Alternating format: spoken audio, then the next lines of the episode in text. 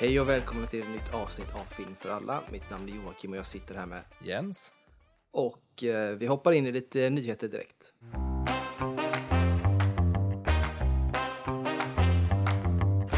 Ja, och nyheterna, vi har egentligen bara två korta saker. Den ena biten är att det eh, har ju nu kommit upp en liten bild som man har fått se en skymt av Robert Eggers nya film och då en svensk koppling i den, det vill säga Bill Skarsgård som, som Dracula här då, eller Nosferatu. Nosferatu, ja. Ehm, och eh, Nicholas Holt spelade i den och så är det ju Lily Rose Mm. eh, och sådär då. Och man ser ju väldigt lite på den här bilden. Ehm, men vi kan bara kort prata lite grann om hur taggad är du på Nosferatu? Jag eh, är, sen jag insåg att det var Robert Eggers är jag eh, 150% taggad på den. Alltså, Mm. Jag älskar ju Lighthouse. Ja, Jag vi har tyckte Northman var bra också. Vad sa du? Northman var ju bra Ja, också. vi har ju The North, men vi har Lighthouse och vi har dessutom eh, The Witch va? Ja, jag tror det. Som jag gör The det. Witch också. Det är ju en ganska, det är den typen av stil Ja. som han kör. Lighthouse är ju absoluta favoriten han har gjort hittills för mig. Jag tycker den är svinbra. Mm. Och det är ju en Eh, hemsk grej, jag har ju fortfarande inte sett Lighthouse. Nej, du borde se den. Det är en sån där som jag har velat se hur länge som helst. Men det, det känns som att jag måste vara i en viss sinnesstämning tror jag för att se den. Ja. Jag Men han känns verkligen som ett bra val för att göra en remake av Nosferatu alltså. Ja, det tror jag också att det kan vara. Jag tror att det passar honom ypperligt faktiskt i det. Ehm, och jag ska också tillägga att jag tror att Bill Skarsgård är en jävligt bra cast, casting till Nosferatu. Ja. Han, han är nästan lite eh, så här, vad heter det, när man är typecastad. till, det, Ja, till så underliga karaktärer eller skräckkaraktärer eller läskiga karaktärer liksom. Ja, alltså frågan är ju om han är typ en...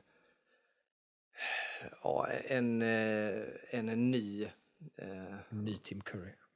ja, eller en ny eh, han, Terror på Elm Street, han som har ett typ svenskt namn. Eh, Men just det, ja.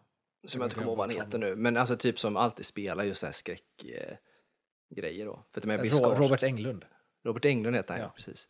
Och det är ju eh, alltid spännande just för att Skarsgård, han kan ju göra mycket, han är ju duktig Bill. Ja. Alltså, och, så, och det är hela den familjen är duktiga, det kan man ju tyvärr inte ta ifrån dem.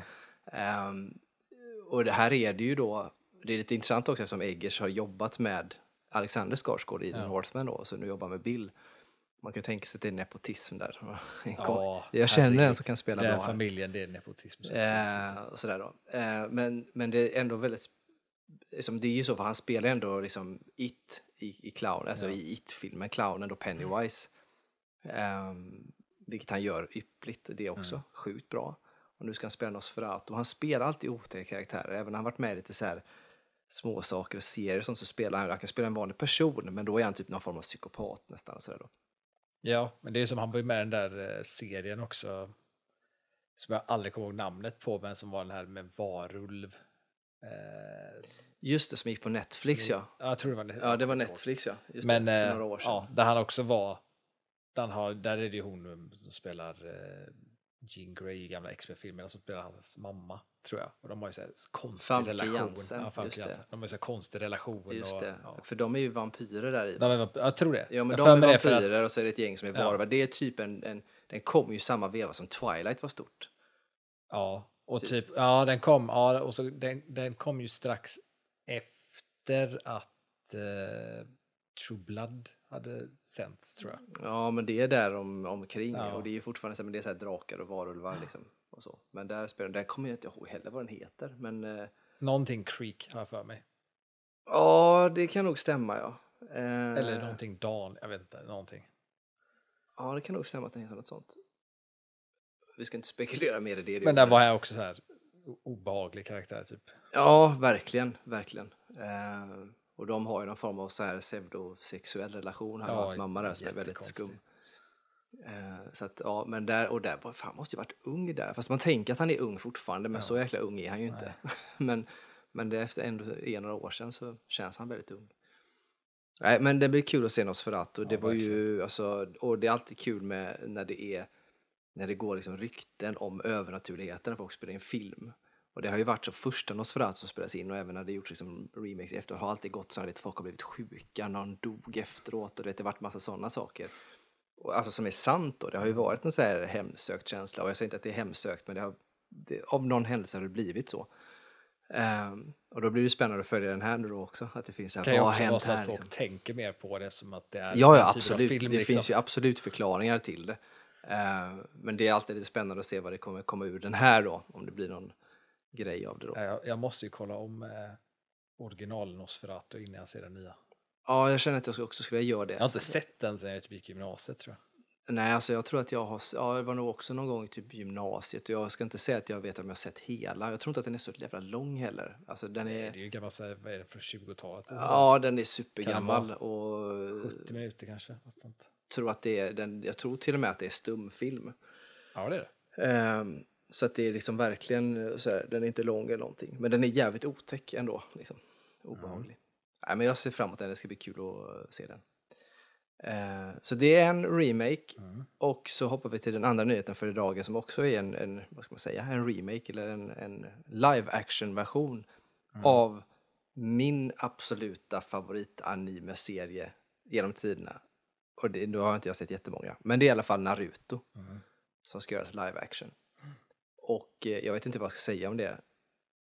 Om det är alltså, bra jag, eller dåligt. inte, jag vet inte, jag har inte sett att det har varit någon eh, liksom, eh, information om så här, produktionsbolag eller liksom, författare, regissörer, någonting sånt alls involverat. Så jag vet inte, liksom, är det, är det japanerna själva som ska göra det eller är det västerländskt? Liksom? Det vet jag inte. Ehm, och alltså om man tittar på japanerna i allmänhet när de ska göra live action-versioner av sina animes så har inte det alltid resulterat Ja, det i de blir bästa. svindåligt. Det blir svindåligt, tyvärr. Eh, så att samtidigt som när väst gör det så blir det ju bra produktionskvalitet men sen faller ofta liksom adaptionen i det. Ja. Eh, Det en, men det enda som gör att man känner hopp för det är ju då att man har haft One Piece som Ja. gjordes och gjordes bra. Ja.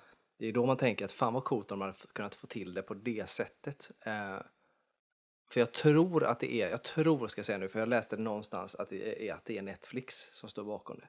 Mm. Eh, men det är inte alls säkert. Men, men då kan man ha lite hopp till att man gör som, som med One Piece. Samtidigt så är man fortfarande rädd för vad det kommer att innebära. För att man har ju sett, vi har ju sett återigen dåliga varianter, typ Ja. Attack on Titan, eh, Full Metal Alchemist, som var skitdåliga Ja, i princip. Och även, eh, vad heter den, Bleach har också gjorts live action. ja. Bleach var ändå helt okej Eller faktiskt. OK, det får man väl säga Eh, sen Full Metal Alchemist vet jag, där gjordes ju tre filmer, jag har bara sett en av dem. Ja, jag med. Eh, och och eh, jag vill se de två andra bara för att jag vill jämföra dem lite grann. Men eh, däremot en, en bra de gjorde var ju Death Note. Som gjordes för jävla massa år sedan. Det gjordes två Death Note-filmer i Japan. Ja, den tycker, jag, tycker, Eh, ja, de är, jag tycker väl att de, De är okej. rätt bra tycker ja. jag. Bättre än eh, Netflix västerländska Ja, version. det får man ju säga. Eh, Men alltså om det är Netflix som är involverat så hoppas jag ju att de kan köra lite samma tänk bakom som i One Piece. Att man har ett team som är liksom eh, dedikerade och liksom att de själva är lite av fans av det och att man involverar in eh, skaparen i det. Eh, Ja, och för det, lite godkännande och sånt där och se att man, att man rör sig åtminstone i en riktning som, som de vill och tycker att det förtjänar liksom. ja, För det funkade med One Piece. Ja, men det är ju inte bara det. One Piece var ju också att han som skapade One Piece, han, han vill ju ha mycket kreativ kontroll. Han sa ju det själv och här vet man ju inte hur de har gjort med Naruto. Han kanske bara, för grejen är så här, om man ska vara krass, det är ju jättebra gjort och så, men han, alltså skaparna bakom Naruto är ju lite sådär mjölka. Liksom. Och det kan man ju hävda om, om One Piece också, men det är liksom Naruto kommer Boruto och så kommer det ena. Så det är ju väldigt mycket, jag vet inte hur mycket de faktiskt bryr sig om om storyn i sin helhet på samma sätt som i One Piece kanske gör. Eh, och jag hoppas att de gör det och att de Mm. håller sig till det och att de får mycket kreativ kontroll och kan liksom säga vad, hur det ska vara och sånt. Men jag är ja, lite, lite orolig ändå. Ja. Lite. Det, det finns potential för att det ska bli coolt, men man får väl se. Men det var, var det film va? Jag, alltså, när jag läste om det nu så står det bara att, att det, jag tror att det står att det är en film, vilket stör mig lite. Ja, för jag tror ju att den hade varit bättre i en typ som en Ja, One Piece, exakt. eh, liksom 10 avsnitt. För jag kan se första säsongen av eh, Naruto. Kanske, Ja. jag vet inte om man ska tänka Naruto eller om man ska tänka Shippuden. Alltså, jag vet inte riktigt var de kommer börja. Nej, exakt. Eh, och jag kan tycka att Shippuden kanske är bättre på ett sätt. Ja, alltså jag tycker ju att, att det är bättre, men det är för att det är lite vuxnare. eh, Ja, det är lättare att berätta därifrån. Ja. Men jag Eh, tror att de man liksom- kör ju säkert från start. kan man ju göra som man gör i, i One Piece att man gör lite återblickar så man förstår sammanhanget. Det går liksom att Ja, ja, lösa det. ja. Och sen, men sen kan man då titta från typ Shippudens om man första säsong eller första ark som man kan se och det är ju framförallt, ja, men ja, den biten, jag ska inte spoila eller säga någonting, men det, jag kan se det som en, en att man kan koka ner det till typ tio avsnitt Netflix-serie på ett ganska schysst sätt. Ehm, så att allting kan ju utspela sig typ, alltså det kan ju handla om, kommer du ihåg, kommer det- kommer som den här med turneringen som, som är? Ja, Det kan ju handla om den. ja alltså de har, det som är, är, är bra med de här shonen manga som One Piece adapterade bra är ju det här att de har ju alltid olika arcs i manga liksom. Så man kan ju ta ett arc och göra en säsong av eller man tar typ två arcs i en säsong. Jag tror One Piece tror jag var typ två halv eller tre arcs de tog och gjorde en säsong av. Mm. Eh, Så det, det är ju liksom åtminstone någonting som Ja, för jag ser ju liksom. verkligen att man skulle kunna göra den här, den här stora turneringen som är när de ska liksom få sina nya Som grader. blir tune-in. Ja, exakt. Och de här bitarna, det hade ju varit en skitbra tio avsnittssäsong på Netflix. Alltså av hur det går till liksom på något sätt. Och, eh, ja, men vi får se Ja, man får se. Hur det blir. Men eh, det ska bli intressant att följa det. Jo. Så får vi eh, återkomma när det kommer mer information. Men eh, då släpper vi nyheterna för idag och går in på dagens ämne. Och dagens ämne, nu tänker vi då, det börjar ju eh, lacka mot jul. Jajamän. Men vi har fortfarande inte, så, så vi tänker att nästa vecka kommer ju såklart julavsnittet. Ja. Och då kommer vi prata eh, julfilm eh, film och sådär. Men innan det så tänker man att det finns ju ganska många julfilmer som kanske är eh, överskattade eh, filmer överlag för att de är julfilmer.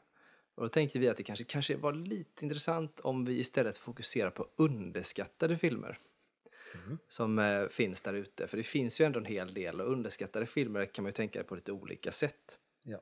Eh, vi har ju till exempel underskattade filmer som rent kast har fått typ dåliga betyg och som kanske inte är så dåliga som de, vi, vi tycker inte de är så Mm. dåliga som det ska vara. Det finns ju också underskattat på det sättet att de kanske kom i fel tid. Mm. Det vill säga att det är bra filmer, de flesta tycker att de är bra men när de släpptes blev de inte stora för de konkurrerade med andra typer av filmer eller flög under radarn, det var Ja. dålig PR eller vad som helst. Så, det finns lite, lite att ta av eh, och så vidare. Och det är ju lite svårt att diskutera för man kan ju alltid prata om, eh, det finns ju de som kan säga att oh, men jag tycker Gudfadern är underskattad. Ja, det är möjligt att man kan, men den är då inte är det också, Nej, då är det ju väldigt så subjektivt någon som tycker det. Ja, men då är det ju verkligen, då får man också tänka att det är ju någon så här über-cinefil som bara, jag tycker den är underskattad, man bara skärp dig. Ehm, så att vi tänkte att vi skulle vara, hålla oss ja, på ett ungefär sådär med filmer som kanske inte slagit jättestort och som Ja. kanske har fått lite skit och sånt ibland också. Tänker jag. Och eh, vi har några på lager, tar kanske eh, två, tre, fyra stycken sådär, beror på hur mycket vi säger. Men vad tänker du om du ska få ta en av dina första här nu som du tänkt ut? Mm. Vad har du för underskattad film du vill lyfta? Tror att den eh, första man kan prata om eh, skulle kunna vara eh, Hulken från eh, 2003. Just det. Ang Lee. Och Erik Bana som, som Hulken där. Ja. För den vet jag ju, den är, dels när den släpptes så var det ju så när den fick ju inte så bra kritik. Eh, varken av fans eller av kritiker. Eh, men sen vet jag också att det är en film som lite så i efterhand har folk börjat uppskatta den lite mer. Eh, framförallt folk som, som jag vet var lite yngre när de såg den först och sen har blivit lite äldre och sett den. Eh, men jag tycker, jag kommer ihåg när jag, så, jag såg den på bio, jag tror vi såg den på bio som familj faktiskt till och med. Det är möjligt. Eh, och att det var ju här, samma veva som eh, Spiderman, Mm. eh, Tobey Maguire Spiderman liksom. Så att det var ju, och, och Daredevil och Fantastic Four och allt, det var ju den eran av superhjältefilm. Mm. Eh, sen tar de in, liksom, det, det, det, vad ska man säga, forn, forntida uh, Avengers, MCU. Typ. exakt. Ja. Eh, och sen så tar de in Ang Lee, som är väl lite mer av en autör i filmskapande än eh, vad som annars togs in till superhjältefilmer. Eh, och, och kör en Hulka-film. Eh, och den är ju, alltså den är ju, annorlunda jämfört med de andra. Dels att han eh, experimenterade med att försöka berätta det som en serietidning med olika sådana, liksom, att han delade upp skärmen eh, i, i, i block liksom för att, och hade text med som serietidning. Så det var ju mer, det var lite så här meta i det också. Eh, samtidigt som att han gör saker som folk inte förväntade sig av Hulken. Jag vet, en sak folk klagade på mycket då var ju typ att ju argare Hulken blev, desto större blev han. Vilket inte är i serietidningar liksom så. Eh, men jag tyckte att i, jag vet inte, jag kanske också var, var så i rätt ålder för filmen, jag vet inte, men jag tyckte att den var, jag tyckte att den var bra när jag såg när jag var liten. Eh, och tyckte att den var, jag kan tycka att den var lite lång när jag var yngre. Men idag tycker jag inte att den är för lång. När jag har sett den igen. Um, och den är ju, alltså, det är ju typ ett drama egentligen. Med superhjälte-touch. Mm. Mer än att det är en action-superhjältefilm. Ja, liksom. som Ang Lee brukar vara bra på att Ja. göra. Så att... Eh, och sen tycker jag, någonting som, som jag kan så störa mig lite på eh, när det kommer till kritik för film, för jag har ingenting emot att få kritisera filmen i sig. Men en sak som, som, som kan störa mig lite grann är att folk klagade på, och än idag vet jag, klagar lite på hur Hulken ser ut i den filmen och att de tycker att det, är dålig CGI. Um, ehm, vilket jag inte riktigt håller med om, för jag tycker att Hulken i den här filmen är väldigt bra gjord. Speciellt för den tiden. Um, och sen också att folk klagar så här, och han är, han är för grön. Och han är för liksom smooth och, och för liksom sådär. Och att de tycker att han ser liksom mer ut som en stor bebis typ. Men jag tycker att det funkar. Jag tycker att han känns liksom bastant och, och stor och, och, och liksom okontrollerbar på något sätt. Mm. Eh, jämfört med om man tar Edward Nortons version när de Marvel gjorde om det. Där tycker jag liksom att Hulken, där tycker jag han ser sämre ut i CGI. För att han är liksom för så här bodybuildad Ja, med, men jag, med 0 procent Jag håller helt med och det var ju det som var grejen att han fick ju ett mer Alltså om man ska jämföra då Hulken med The Incredible Hulk med Edward Mm. Norton så är det ju skillnad för att han är ju som stor och grön Mm. i, i Hulken. Sen i det andra så blir han ju han är lite mörkgrönare men han får liksom muskler och ådror som ska synas Mm. vilket folk tolkar som mer realistiskt då. Ja. Men jag tyckte ju själv att, för folk pratar om att ah, det är bättre nu, säger de här nördarna då. Som att det, och jag själv var så här, nej fast jag tycker inte att det är bättre. Det är annat, Det är annat ja. men jag tycker inte att det är bättre. Nej. Så att det är ju en smaksak det där vad det verkar. Och det är liksom om man tittar på vad en film, vad som gör en film är bra, visst att specialeffekter är en sak. Ja. Och att det kan ta en ur om det är dåligt, men det är inte det det handlar om här, utan det är en smaksak på en grej. Ja. Och då har det egentligen ingen betydelse för om filmen är bra eller inte. Typ. Alltså, jag, gillar, alltså jag gillar också, jag, eller jag uppskattar den eh, Hulka, Anglis Hulk, just för att han hade så passion för projektet. Och det märker man om man tittar på det och så, speciellt man kan kolla på så här bakom grejer också, men om man tittar på filmen och verkligen kollar så på detaljer vad Hulken gör, alltså när han är Hulken. Det är som den här eh, sekvensen ute i öknen när han eh, blir attackerad av ja, alla möjliga militära grejer Mm. så är det ju en tank han håller på och pajar sönder. Liksom, där river han ju upp och så smäller han ju till sig själv mellan benen Mm. med eh, liksom, själva tanken där man skjuter ifrån. Mm. Och så blir han ju mer arg av det. Liksom så. Och det är ju sådär, man kan så lätt missa det, men det är så här liten detalj och det är så kul för man ser ju Ang Lee gjorde ju motion capture för Hulken i den här filmen själv. Ja. Eh, så det är också så kul att se när man ser det som regissören har verkligen gått in för det här. Typ. Nu ska vi få till det här liksom. Eh, och på något sätt kan jag tycka, för jag vet anledningen till varför Edward Norton inte fortsätter vara Hulken var ju för att det blev för mycket så creative differences för att han ville ha mer att säga till om. Men jag tror att Edward Norton som skådespelare hade funkat bättre i en Ang Lee Hulk än i en Marvel Hulk-film egentligen. Ja, det är möjligt. Eh, för det är mer, det handlar ju så mycket mer om, om dualiteten och liksom vad föräldrar gör mot en i, i Ang Lees Hulk. Och hur det påverkar med ilska och frustration och vad man så stoppar i sig och vad man håller nedtryckt. Um, dramatiskt liksom jämfört med The Incredible Hulk från 2008. Mm. Ehm, Ja, Jag håller med. Jag, jag föredrar ju Hulk från 2003 framför Incredible Hulk. Eh, så sett. Jag tycker också att Erik Bana är bättre som Bruce Banner än vad Edward Norton är. Och då säger inte jag att Edward Norton är en dålig skådis. Det är bara att jag, jag föredrar Bana framför eh, Edward Norton. Ja, alltså jag, jag tycker att eh, Erik Bana är är den, är den bästa av, av eh, Edward Norton och av Mark Ruffalo. Ja, ja det, det är ju stick ut hakan lite, ska jag säga. Jag tycker ju ändå att Mark Ruffalo gör det bra. Men Mark jag, Ruffalo gör det jättebra och han är en jättebra Marvel-Hulk. Ja, För det, den typ av grejer vi ser. Men det är samtidigt, Hulken är inte, har ju inte riktigt varit en Hulk i Marvel-filmerna på det sättet. nej, nej, jag håller med dig. Och jag, men att jag hade lättare kunnat se, om man ska vara så, för jag håller nog med dig egentligen, men jag hade också lättare sett en, en, en, en transgression från, alltså Bana hade passat in i MCU med resten. Ja, Edward ja, Norton hade ja. inte gjort det. Bana hade passat bättre in där. Eh, och så att, ja. Ha, ska vi nöja oss med den? Ja, Vi sätter inga betyg här, vi bara Nej. snackar. Bara underskattat. Ska vi ta... Det någon du hade tänkt? ja, men då kan jag slänga ut eh, Dread då, Dread, ja. med Carl Urban som gjordes. Den fick ju... Jag, ska, jag vet inte fan om man ska säga dålig kritik, det, var, det fick den till viss del. Sen har den blivit älskad av en ganska liten skara fans. Sen har den liksom växt med åren och blivit så kult, den har Mm. fått kultstatus. Ehm, lite grann som Blade Runner.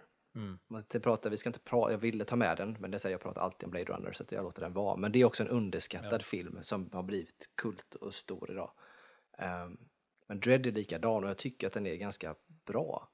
För att när man ser, och om man har läst, och det har jag inte gjort det så mycket heller, men om man har läst om Dread och den världen hur det ser ut och så tittar man på den gamla Dread som gjordes med Sylvester Stallone i, som inte alls är dreadig, Mm. rent eh, liksom, tonmässigt och stilmässigt egentligen. Så kommer här in en som är mer åt det hållet. Mm. Han är ganska brutal, han är stoisk, han gör sitt jobb, det är inget snack liksom. Och det är en sån schysst variant på bara schysst sci-fi-värld med brutal eh, action. Det är en bra story som hela tiden rör sig framåt i detta. Stakesen är höga. Mm. Eh, coola effekter.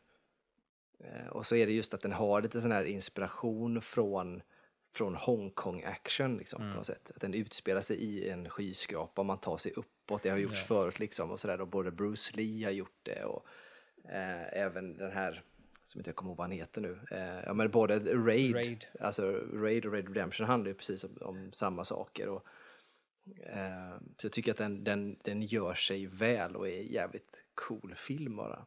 Eh, och den tycker jag är verkligen underskattad. Ja, det, det är en film som är väldigt, alltså som på ytan, vilket jag tror är också så här anledningen till varför den blir underskattad, är så här att, att ytan och i marknadsföring så blir det så här, här är en ny cool actionfilm. Men egentligen är det inte det det är.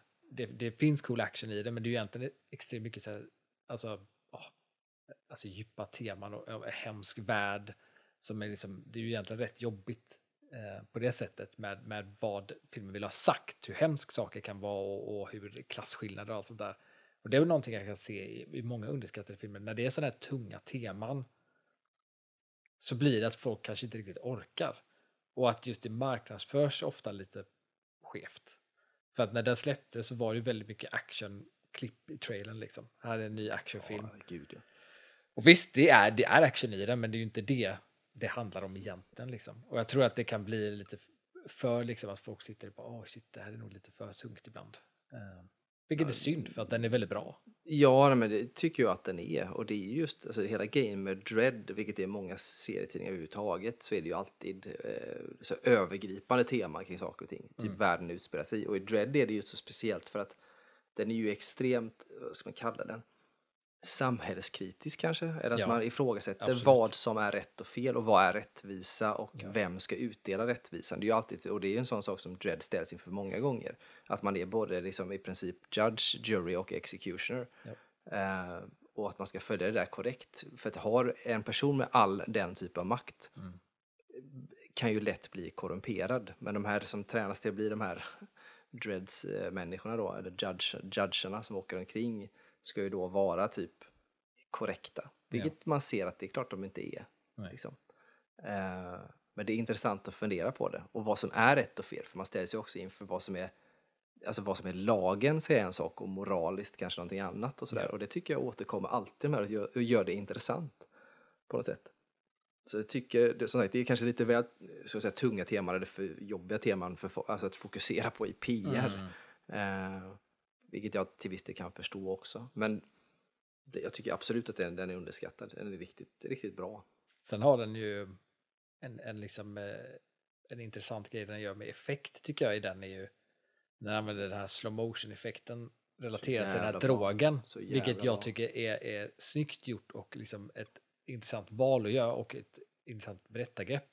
Men jag tror också liksom under, undermedvetet i folks huvuden så liksom slow motion används ofta till en viss typ av grej liksom i filmer. Folk, folk sitter fortfarande tror jag och tänker på Matrix typ, när de tänker slow motion. Mm. Eh, men här är ju liksom slow motion det är ju ett berättargrepp för effekten av en drog. Mm.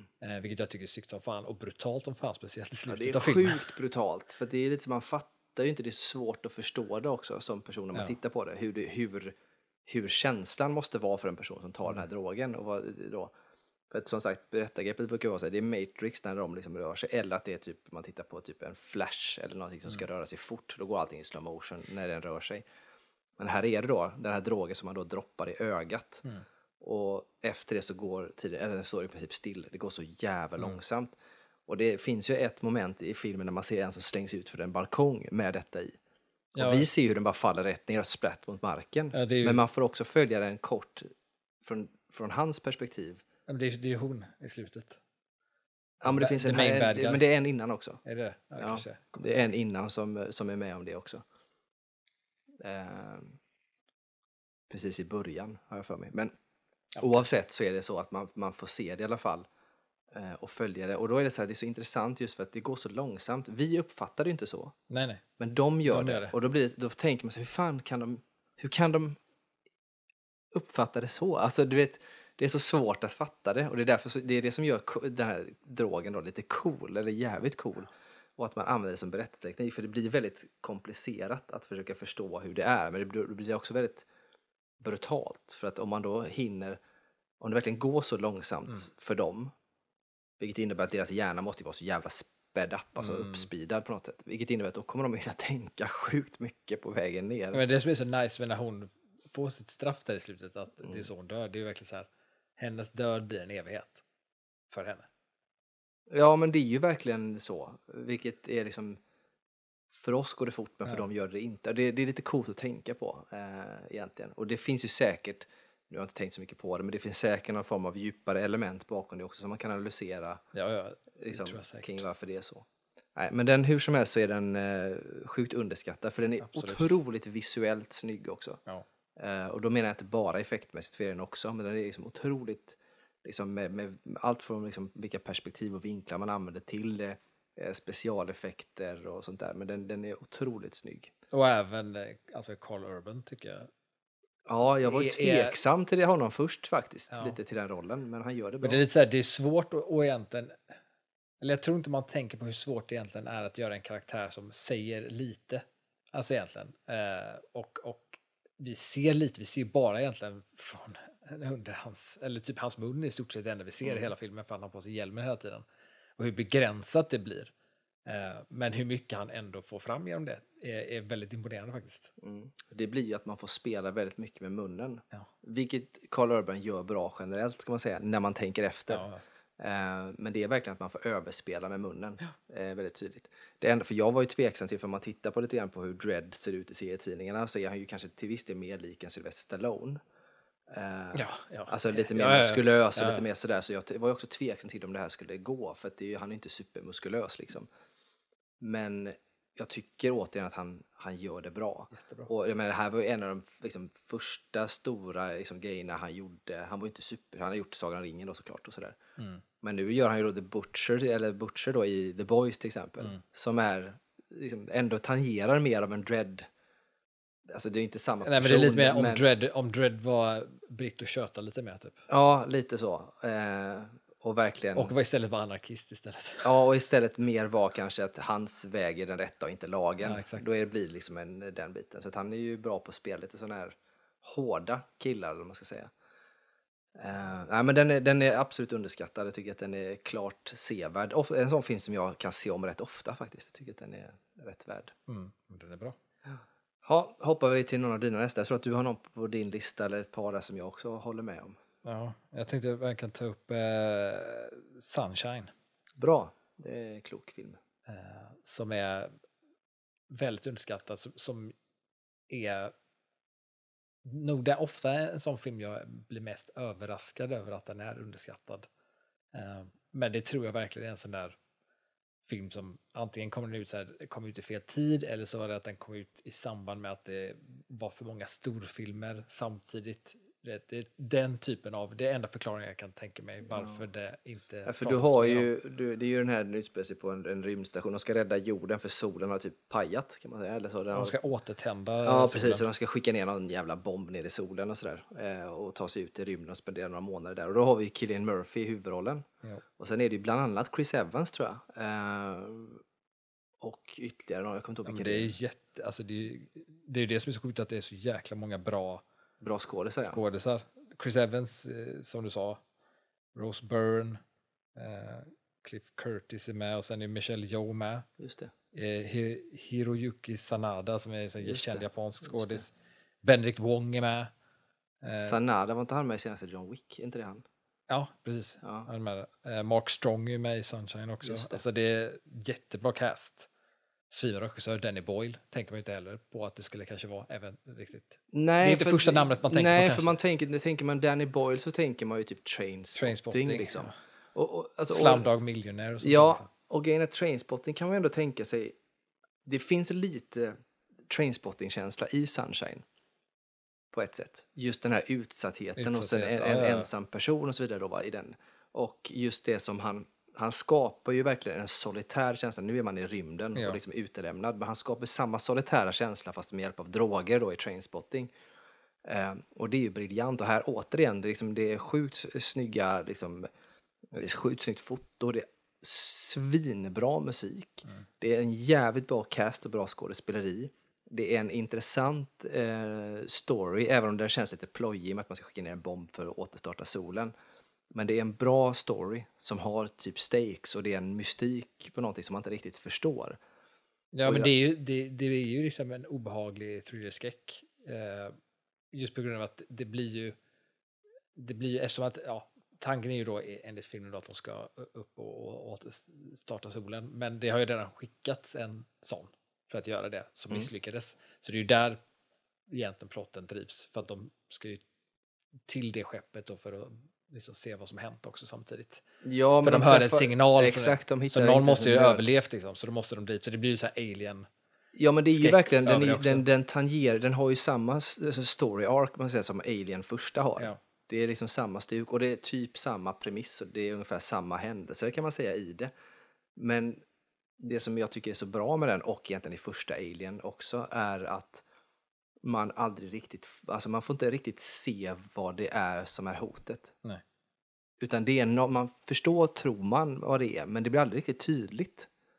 Och det älskar jag. Ja. Att det är tillräckligt otydligt för att, för att det ska vara ett mysterium liksom hela vägen igenom. Ja. Men också tydligt nog för att fatta att, att man kan nog tänka sig att det är så här. Mm. Och det, det är så briljant på något sätt. Och jag tycker verkligen att det är en... Alltså det är nog en sån här film, jag tänker, jag ser den ibland sådär och tycker att den är svinbra. Men ska jag tänka på den om man skulle vara så här och prata om den på riktigt och sätta ett betyg på den så skulle den få ett jävligt högt betyg hos mig. Mm. För att jag tycker att den är helt briljant. Det är liksom en av de här filmerna som man kan säga att det är en det kanske jag målar på lite väl, eller brer på mycket, men det är en av de här filmerna som man kan prata om att det är en, eh, en komplett film på något sätt. Till skillnad på Ja, en men riktigt bra. det, det skulle jag hålla med om. Den Det, är, där det finns väldigt få sådana som verkligen, det finns ju bra filmer, sen finns det sådana som är riktigt liksom, kompletta filmer. Quentin Tarantino har ju, hade ju en sån, jag la upp det på vår Instagram för ja, ett tag sedan, det. när han pratar om filmer som är kompletta. Liksom. Och då var det alla möjliga olika liksom, filmer han la upp. Typ, så här. Och, och, typ menar Tillbaka till framtiden, första är en sån. håller jag helt med honom. Ja. Eh, och så nämner han några till. Och Sunshine för mig är också en sån. Den är, den är komplett som film. Mm. Den är, det finns liksom, bara när jag tänker på det snabbt nu, jag behöver se om den såklart, men jag kan liksom inte se några direkta svagheter i den. Sen Nej, går det nog nej. att gå ner i detaljer såklart, men den är riktigt jävla bra. Så det kanske är den mest underskattade filmen vi har på den här listan vi pratar Ja, om. alltså, ja, verkligen. Det är ju typ en av de filmerna som också är sån här, för att du nämnde Blade Runner förut och det är ju typ så här, när jag tänker underskattad film så är så Blade Runner det första som är så här, det är ju den mest ökända underskattade filmen. Mm. Men jag tycker Sunshine är, är liksom relativt modern på samma nivå Mm. på något sätt. Att den är, och att den har inte ens, jag, jag tror inte ens att Sunshine på något sätt har fått någon kultgrej heller efter sig. Ja, Inte riktigt på Ja, det sättet. Vilket är synd. Eh, Det är väl för att det inte riktigt finns en... Det finns inte tillräckligt mycket lore bakom Nej. för att den ska kunna få det tror jag. Men den är bra, den är, det är intressant med så psykologisk thriller, då så är man instängd. Man kan inte ta sig någonstans och det är ett mysterium och man fattar inte vad som händer. Ja, och... samtidigt som så mycket av filmen ändå är... Samtidigt i du har övergrip, övergripande hot över att, att jorden kommer gå under om inte solen. Ja, nej, men det är ju såklart. Men sen så är det just det här med att en stor del av filmen i början, sånt där är ju inte... Alltså då är det inte så otäckt egentligen. Det, då finns det inget hot eller något. Nej, nej, då är det bara där. uppdrag som liksom, det sker någonting, Ja. de ska ta reda på något. Men bara i det så känns det fortfarande så utelämnande och ensamt trots Ja. att de är fler. Och det känner man ju precis det de känner. Att trots att de är det här gänget som inte känner varandra särskilt väl men är på väg så känns det så ensamt Mm. ändå. Så att, nej, jag tycker att den är skitbra. Och det ska jag säga att jag som älskar Blade Runner, det har ju att göra med att det finns den världen och sånt. Men sett som, som film, den är ju svinbra såklart. Men den har, den har nog mer svagheter i sig än vad Sunshine har. Om man ska gå in och titta på det. Rent så här, liksom berättarmässigt Ja, ja, ja. och lite sånt. Och det har också att göra med hur bolagen och sånt la i sig Blade Runner är ju, är ju som säger, lite flummigare i sin struktur. Ja, och det finns liksom vissa saker i, liksom, kanske man kan prata liksom i tempo i Blade Runner och man kan prata lite grann om vissa val man gör. Mm. Och jag älskar ju som sagt den, men Sunshine har inte de svagheterna alls. Mm. Det kan vara en, den absolut mest underskattade filmen som gjorts bara så här på, på rak arm. Så det var intressant att veta vad Danny Boyle själv sätter den filmen. För, för sig själv liksom. För att det är inte ofta, ofta när folk pratar Danny Boyle så är inte Sunshine någon jag tycker ofta hörs nämnas liksom. Nej, Men jag tycker ändå att det är liksom en av hans bästa filmer. det är väldigt sällan. Eh, Danny Boyle brukar ju alltid också ryktas till att regissera Bondfilmer. Det är varenda gång det ska regissera, bli Bondfilmer så är det alltid Danny Boyle ryktas alltid Ja. till det. Liksom. Och det, är hade, intressant. hade varit intressant att se. Alltså så. Ja, det är intressant. Varför han ryktas till det egentligen? Ja, det, Han har gjort så mycket olika grejer. Ja, men jag tänker mig ändå för att jag menar, han har ju verkligen gjort ord för jag menar, Trainspotting, Sunshine och eh, eh, 28 Days Later. 28 Days Later så sa du den här andra också. Eh, Slumdog Millionaire. ja, exakt. Ja, Det är ändå- 127 timmar. Ja, den med. Men det är ändå, även om merparten av dem har ju verkligen med ensamhet och solitär känsla att göra på något sätt. Eh, och även Slumdog Millionaire får Ja, man säga, för det är också en person Utsatt som är ensam, utsatt ja. i en utsatt situation. Men det är ändå vitt skilda genrer Ja, väldigt. liksom mellan dem, så ja. här, vilket är lite spännande. Och jag menar, tänker man på en ensam person och solitär känsla hade det ju passat utmärkt till en Bondfilm. ja, verkligen. Att, att få vara alltså, Bond-driven, perspektivet Bond. Vilket hade kunnat göra det. Jag blev lite taggad på att se Danny Boyle. Fan, jag har för mig, jag för mig att det är intressant ändå att han har det temat. Danny Boyle, har inte han gjort den här... eh, vad, jag kommer inte ihåg vad han heter nu, men den här filmen där det handlar om, om en kille som eh, eh, vaknar upp och så finns inte Beatles och så kan han alla Beatles-låtar. Yesterday. Yesterday, ja. Det är väl Danny Boyle har för mig. Eh, det vågar jag inte gå i, eh, ta gift på. Fan, jag, ska kolla. jag har för mig att det är Danny Boyle. Men, Och det är också så här, det är också egentligen utsatt och ensam. Det enda som vet något. väldigt Liksom. mycket f- på individ. Ja, s- Som, liksom, som på något sätt är ensam eller utsatt i en situation. ja. Vilket är lite spännande att tänka på. Och just därför så tänker jag att han har varit så jävla cool som en Eh, Bondregissör. Danny Boyle. Ja, det är det. Ja, Ja. Jag tänker mig att det hade varit coolt att se honom som Bondregissör bara för den sakens skull. Det hade kunnat Ja. bli jävligt coolt. Så Ja. jag blev lite taggad på att se honom som nya Bondregissören. Om inte Nolan tar det. Ja. Ja, vi får Yes. väl kanske lämna den här stora hyllningen till Sunshine då som Precis. vi gjorde. Och så kan vi gå in på nästa eh, grej. Vi kan ju köra, min, jag kan ta min Ja. då. Som, den här är ju lite nu provocerande. Lite grann, sticka ut hakan. Ja. Eh, och det är ju så här, det är en superhjältefilm för ett ganska tag sedan som har fått sjukt mycket skit både av folk runt omkring och även av skådisen själv. Mm. Trots att han träffar sin fru där. Ja. Eh, och det är ju då Green Lantern-filmen med Ryan Reynolds. Ja. Och den har ju fått otroligt mycket skit och vi har pratat om den någon gång på när vi hade någon, något avsnitt om just så här guilty pleasure movie-grejer och sånt där så tror jag att jag nämnde Green Lantern som en sån för att jag brukar använda att somna ibland. Jag tycker Ja. att den har, det finns en viss liksom, ton i, eh, alltså i, vad, vad säger man, färgsättningen, vad fan heter det? Att du använder för att somna. Så här, det är Nej men vad Film- det heter det för, som färgsättning, vad heter det? Grading. gradingen. eh, gradingen i den tillsammans med musiken och ett visst del av tempo gör att den är ganska lätt att somna till. För den är så här, Som en ja, okej. vuxen lullaby för dig då. ja, typ så kan man säga. Men, men det ska jag inte ta ifrån det, för jag kan inte somna om det, om det är någonting som är för dåligt heller. Det har jag aldrig kunnat göra, utan det måste vara någonting som känns hyfsat trivsamt. Eh, och då har jag kommit fram till slutsatsen, när jag har sett den nu på sistone igen och tittade igenom den, att den är inte riktigt så dålig som folk vill få den att verka vara. Och det, jag kanske har sänkt mina krav i och med att det varit så jävla mycket dåligt från Marvel på sistone och det varit så mycket dåliga superhjältefilmer. Men jag tycker jag säger inte att filmen nödvändigtvis är bra. Det säger jag inte. Men jag, säger inte, jag tycker inte heller att den är så dålig som folk säger. Så att jag vill nog ändå hävda att jag tycker att den är lite underskattad. Ja, alltså jag kan, eh, jag kan hålla med om att, att den inte är så dålig som folk vill framstå den och få. Ehm, jag, jag tycker inte att den är speciellt bra eh, av, av mängder av olika anledningar.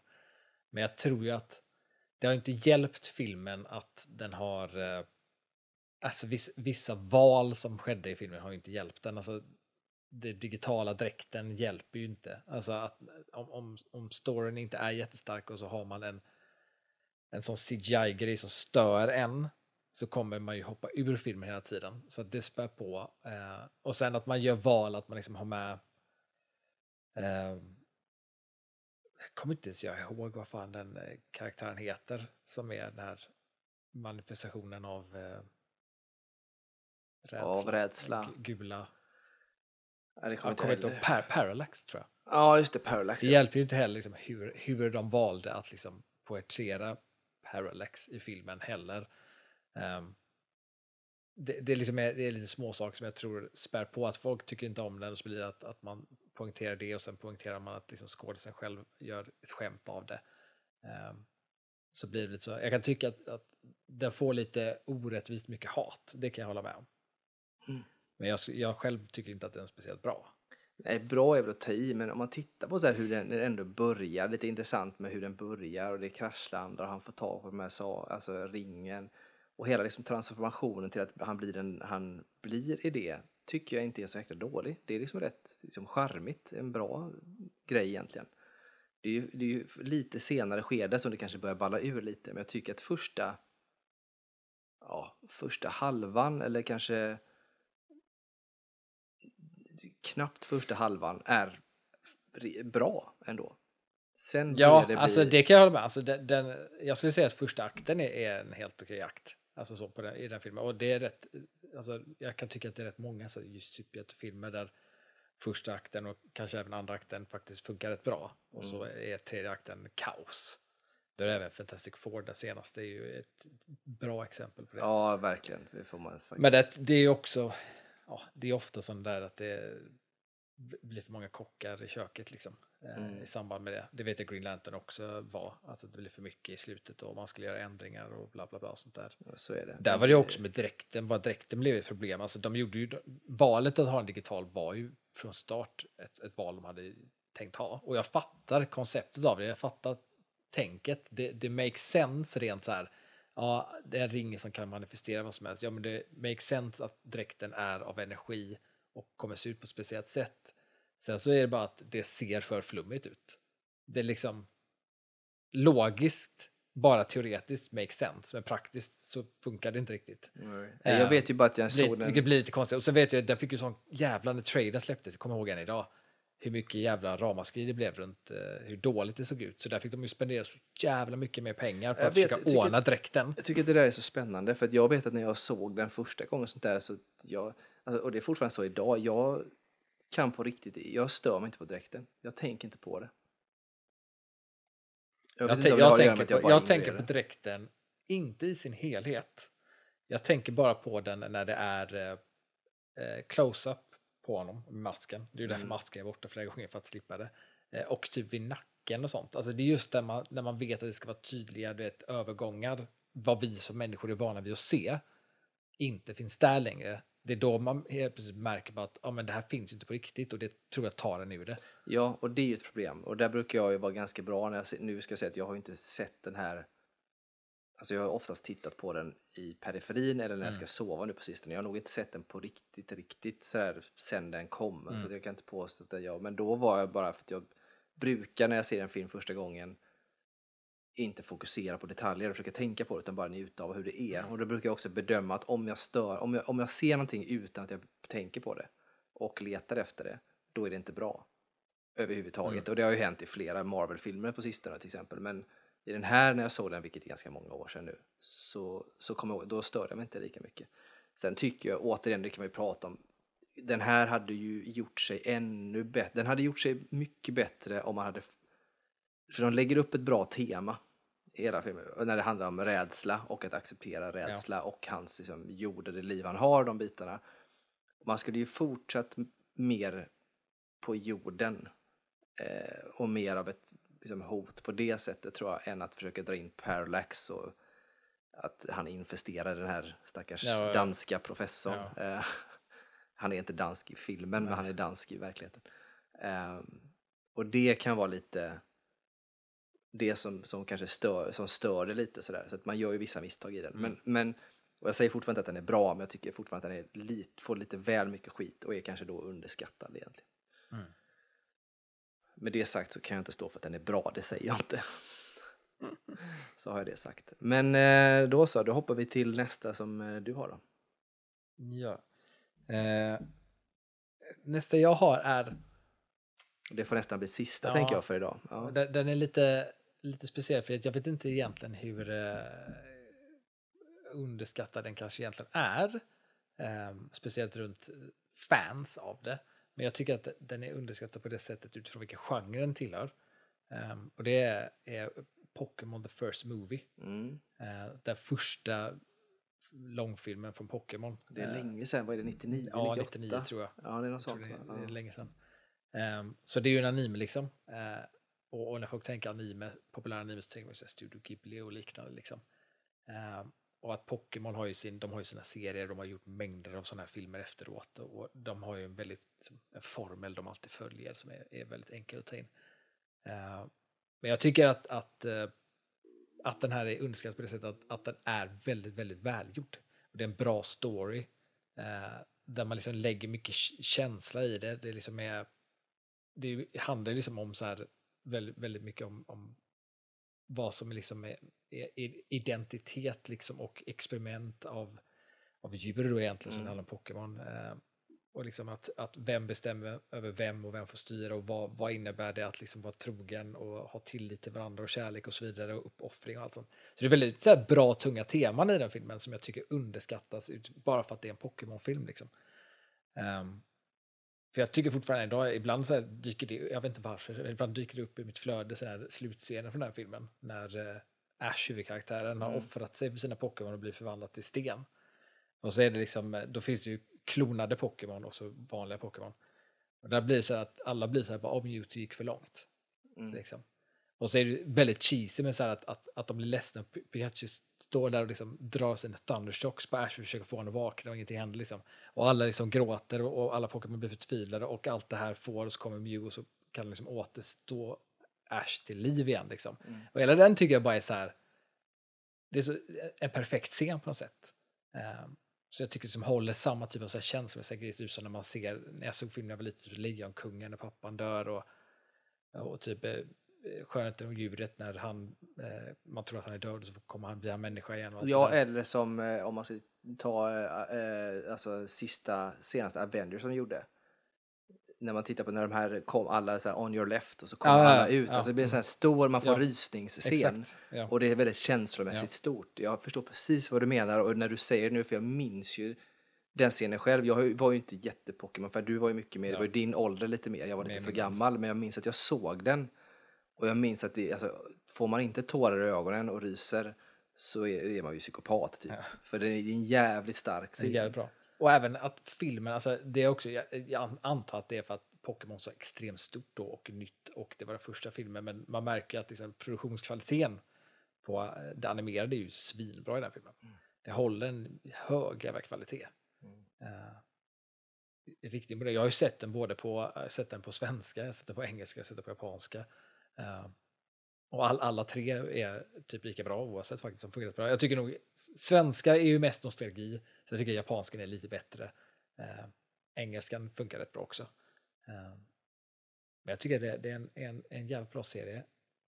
Och en jävligt bra film där. Men sen tycker jag, jag måste, jag kom på, jag måste bara slänga in, jag ska inte prata om det, men den som är kopplad lite till den, som också är en egentligen underskattad film för att den är lite konstig, för det är inte en film i sig. Det är mer som två korta filmer i en Mm. film eh, som kom ut typ samtidigt. Och det är eh, Digimon-filmen som också släpptes. Mm. Den tycker jag också, den är också underskattad. Men den är också hög kvalitet som fan. Så jävla bra. Det är också så rysningsscen i början av filmen när eh, Tai, tror han heter, är, är, är, är yngre och så kommer det en, en, en attack av Digimon till stan och så har han sin lilla syster Kari, tror jag hon heter, med och så är det massa så här, vet, typ kaiji fight typ Mm. i stan. Och så är det en sån här liten visselpipa och så har den här eh, Digimon som är på deras sida så trillat omkull och han är ju stor som Godzilla typ. Och så är de i fara liksom, står hon där och gråter hon och putter på honom, han vaknar inte och blåser den här pipan och blåser och blåser och blåser.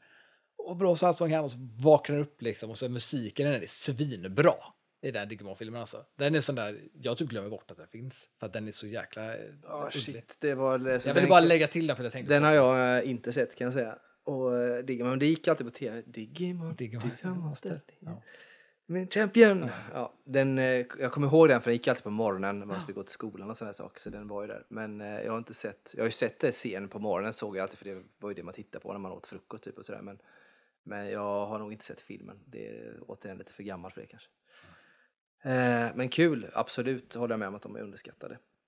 Men eh, det var väl allt för idag. En sista grej som jag kom på bara för att prata om Green Lantern och det är ju egentligen, det skulle kanske varit i inledningen på nyhetsgrejerna, men det är ju så här, man pratar ju om det här nya DCU som startar om, eh, där man ska ha en, det är inte riktigt, det ska ju bli en serie med Green Lanterns, två stycken, som ska vara lite True Detective, Detective-känsla på. Eh, Och sen så vet man ju inte vad som händer riktigt där, om det blir en serie eller om det kommer bli en film ändå, men det verkar bli en serie.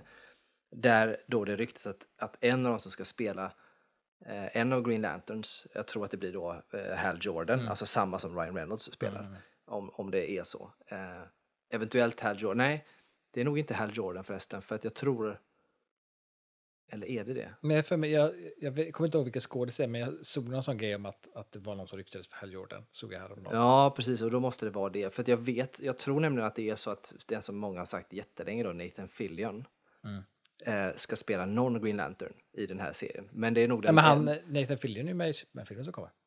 Och han spelar en Green Lantern. Ja, precis. Han Och det- spelar ju inte Hal Jordan. Nej, precis, utan han spelar någon annan av dem. Så att han kommer ju vara med, så han kommer ju vara en Green Lantern, men då är han ju, jag kommer inte ihåg vad han heter, den andra Green Lantern. som jag kommer är- inte heller ihåg vad han heter, är- men det är ju en av de lite mer...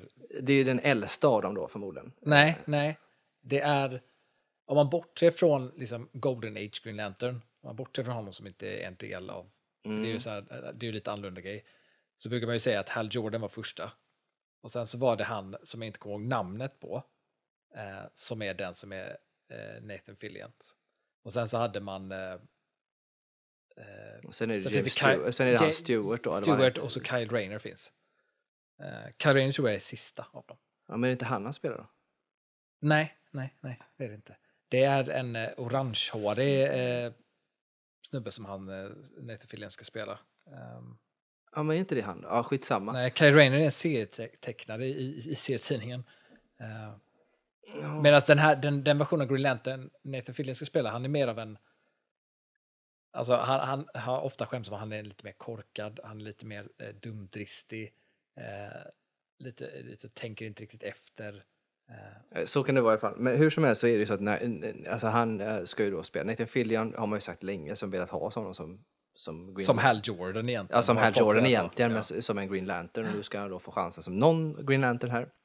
Men till den här serien så ryktas ju då ingen mindre än Patrick Schwarzenegger som Hal Just det, Jordan. det var han jag såg. Ja. Och Patrick Just Schwarzenegger tänker, vad, vadå Schwarzenegger? Är han skådespelare? Ja, det är han ju. För han spelar ju bland annat i The Boys eh, spinoffen, Mm, eh, Gen Gen, V. V, Ja. där han spelar Golden Boy. Eh, nu är han ju med i två, alltså han är med i flera avsnitt, men han är framförallt med i typ två eller tre kanske. Ja. Ehm, och det gör han ju bra. Så att, och han ryktas ju då till att spela Hal Jordan i den här eh, Detective. Och nu när man såg då, så, sett klart Gen V och tittar på det så tänker man att jag tror att han kan vara en bra Hal Jordan. Alltså, Han Ja, alltså, passar jag, nog till jag, en, en, jag var lite överraskad, men var ändå imponerad för det, det alltså lilla han är med i, Genevieve så att säga, tycker att han gör väldigt, väldigt bra. Ja, men han gör det bra. Det känns ändå som att han faktiskt eh, han passar in i en sån, om det ska vara en true detective och dessutom som en Green Lantern. Han känns inte som att han nödvändigtvis gått in och kunnat vara en Superman eller en, en Batman, Nej. men däremot en Green Lantern passar han rätt bra som. Och han har lite av ett utseende som en, som en här stridspilotssnubbe liksom. Han skulle lika gärna vara med i Top Gun typ. Mhm. Eh, och så. Eh, vilket Hal Jordan då är typ en sån. Ja, så att, stridspilot, ja. Så att eh, jag hoppas att det castingin stämmer för jag tror att det blir bra. ja. Jag kollar upp där. Eh, den Green Lantern som Nathan Fillion ska spela, Mm. Guy Gardner heter han. Just det, så heter han. Men han är ju den äldsta av dem. Nej, det. Det har jag för mig från någon sån här Green Lantern tecknad jag har sett. Nej, att Guy, han Guy Gardner, det. för det utspelar sig typ under andra världskriget med honom när jag har sett någonting. Guy Gardner är, han är den an, andra eller tredje eh, utifrån eh, alltså, modern tolkning. Ja, men som sagt, det är återigen lite grann hur man vill eh, tolka det. Eller alltså vilken det kanske utspelar sig. För jag är helt tvärsäker på att jag har sett en Green Lantern tecknad från, från, eh, från DC som handlar om eh, Guy Gardner och då är det typ andra världskriget tid. ja, men de kan ibland, jag vet de har gjort, eh, de har gjort tecknade filmer ibland där de har eh, alltså, tolkat om saker. Jo, men det är det jag menar och därför tror jag ändå att Guy Gardner kommer att vara, jag tror att han kommer eventuellt tolkas som kanske den första. Eller första eller Det, så. det, det vet jag inte om de, vad de väljer att göra, det har jag ingen aning om. Så. Men, Men, ofta, de, är ju, de är ju ofta samtidigt. Så att, Så kan det vara, men jag känner igen det i alla fall. Eh, så det stämmer. Skönt att man kom på det. Då får vi tacka för att ni har lyssnat. Sprid gärna podden till era kompisar och vänner och rate oss gärna. Eh, så hörs vi igen nästa vecka. Då blir det jul, Yes. jul, strålande jul. Så tack och adjö. ha det bra!